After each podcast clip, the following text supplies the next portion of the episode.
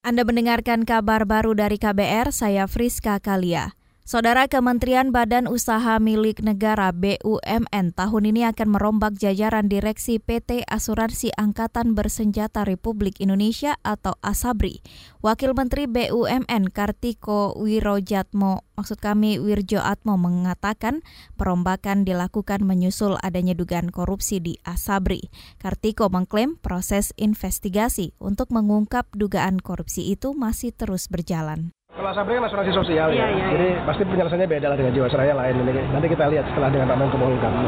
Sekarang kan Asabri kan bukan asuransi, Asabri itu asuransi sosial, bukan asuransi uh, private kan. Jadi tidak bisa dalam dengan konteks B2B agak sulit karena mereka lebih asuransi sosial. Saudara Kartiko Wirjo Atmojo menambahkan Kementerian BUMN berkoordinasi dengan Kemenko Polhukam untuk menyelesaikan masalah yang muncul di Asabri.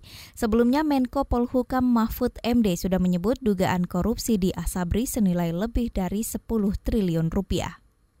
Sementara itu pemerintah sedang menggagas lembaga penjamin polis menyusul adanya skandal di PT Asuransi Jiwasraya.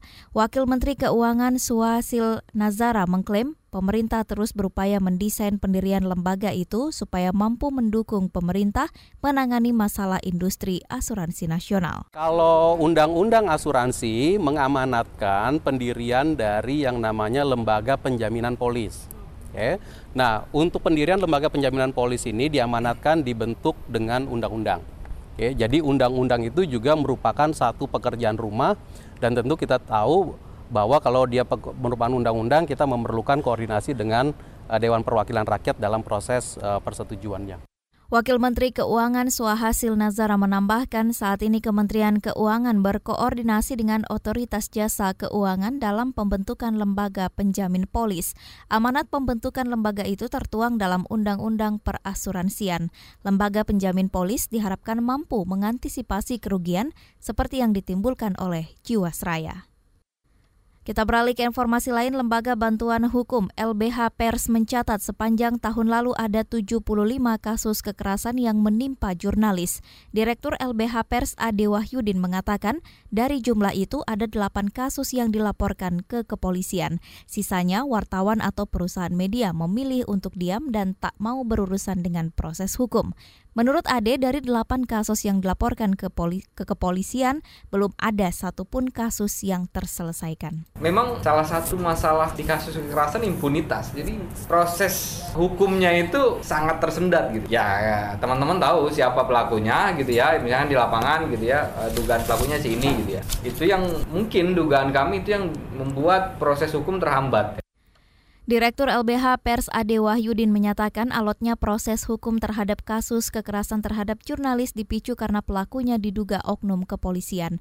Dari 75 kasus kekerasan terhadap jurnalis, LBH Pers mencatat 33 di antaranya diduga dilakukan aparat kepolisian, utamanya saat mengamankan aksi demonstrasi. Saudara kita menuju ke Papua, iringan bus yang mengangkut rombongan karyawan PT Freeport Indonesia tadi pagi ditembaki orang tak dikenal. Bus sedang melaju dari Tembagapura menuju Timika.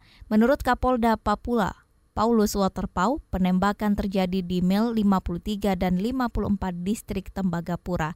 Tidak ada korban jiwa maupun luka akibat peristiwa itu. Hanya saja dua bus mengalami pecah kaca di sisi kiri akibat tertembus peluru. Kita masih coba coba lihat nanti tentang satu modus, kemudian uh, dugaan senpi yang mereka gunakan itu nanti akan ketahuan dari kelompok mana. Kapolda Papua Paulus Waterpau menambahkan tim Satgas dan tim identifikasi dari kepolisian Mimika langsung melakukan penyelidikan.